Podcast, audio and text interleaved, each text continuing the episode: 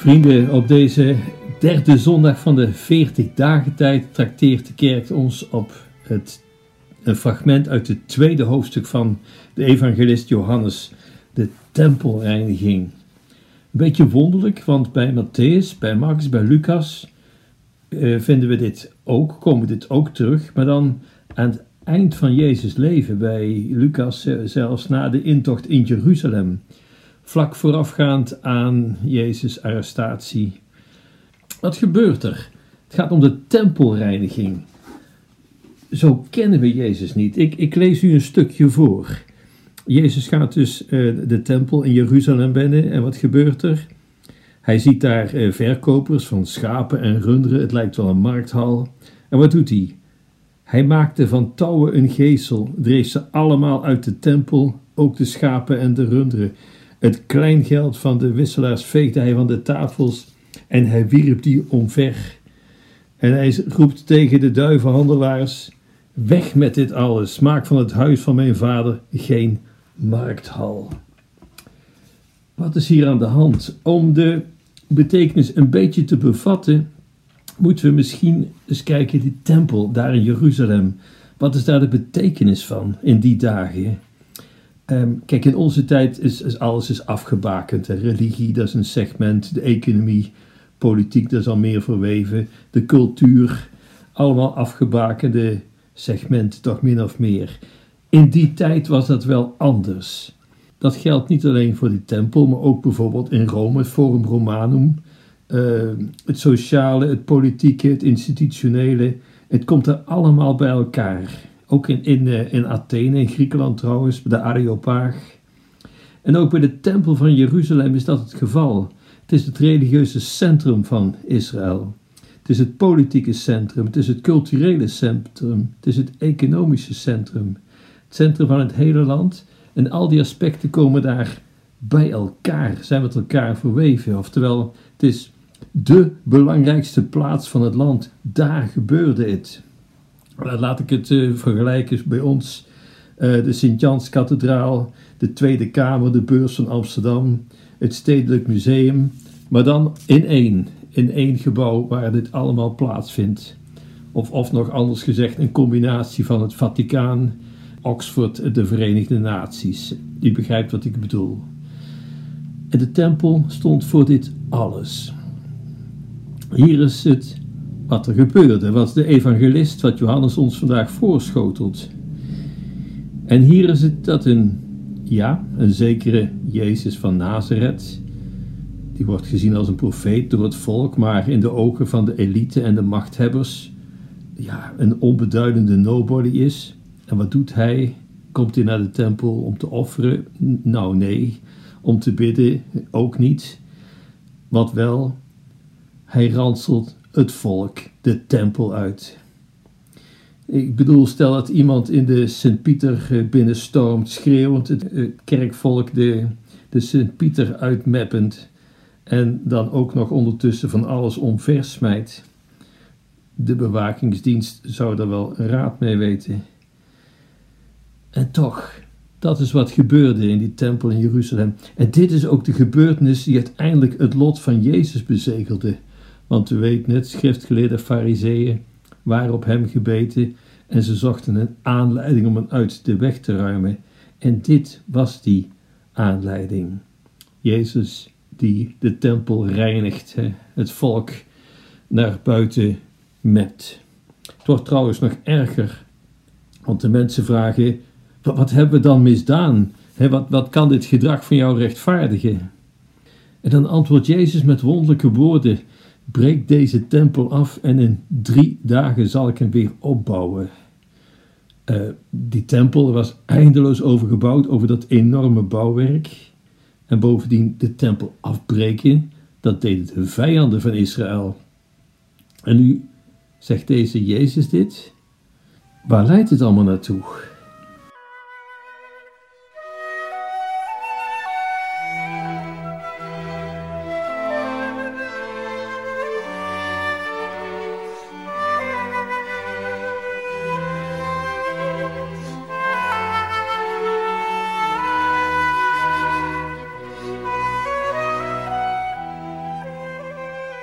Uiteindelijk is het, en daarom staat het ook bij Johannes aan het begin van zijn evangelie, het gaat om wie Jezus is. Johannes begint er al mee. In het begin was het woord, het woord was bij God, het woord was God en het woord is vlees geworden. Hè?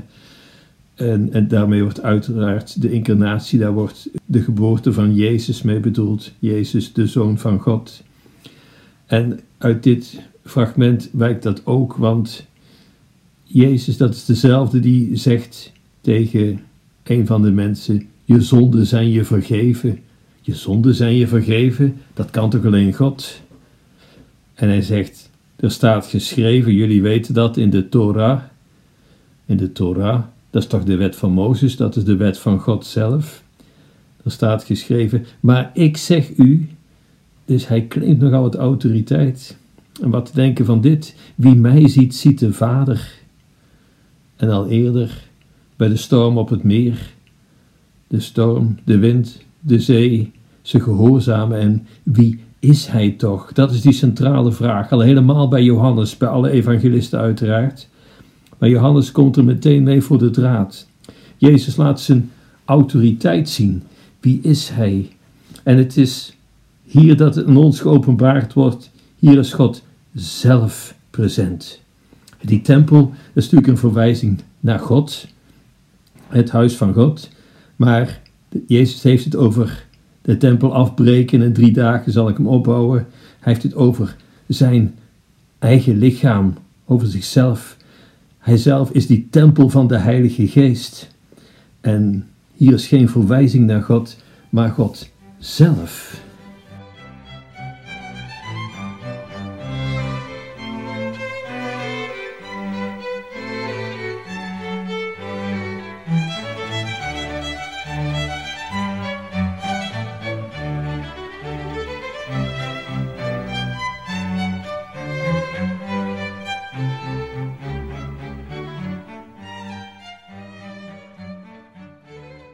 Als je kijkt uiteindelijk naar het sterven, naar het verrijzen, ja, hoe gaat het dan? Die jonge kerk.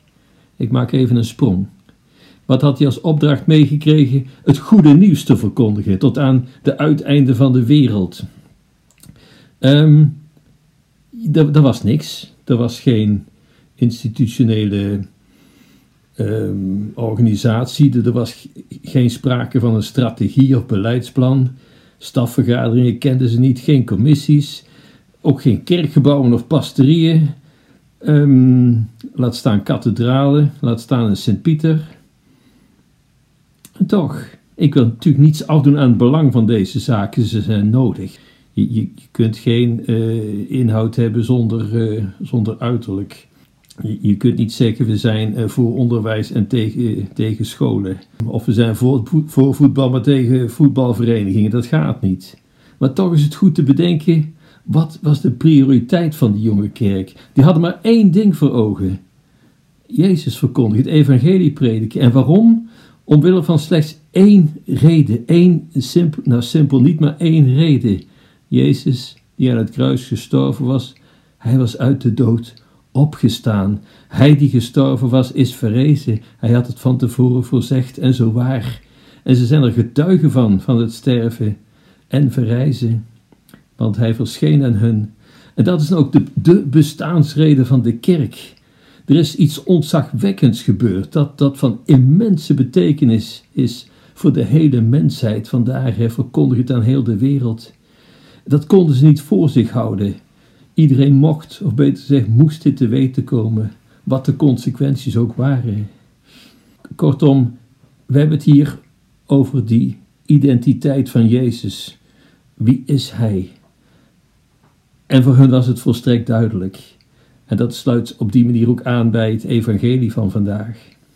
Ikzelf, ik ben opgegroeid in de jaren 70, dat is mijn middelbare schooltijd, zeg maar. De jaren dat men van de verrijzenis een soort mythe maakte. Een symbool. Het verrijzenisverhaal is een soort, ja, literair genre. De zaak Jezus gaat door, werd dan gezegd. Dat Jezus werd, daadwerkelijk verrezen was. Nou, nee, dat niet. Maar men vond het wel een mooie metafoor uit die oude, maar toch ook een beetje onnozele tijd.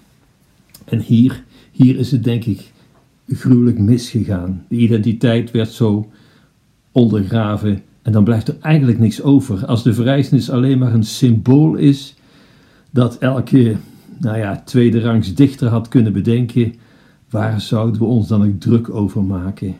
Dan heeft er helemaal niets ontzagwekkends plaatsgevonden, niets om tot de uiteinde van de wereld te verkondigen.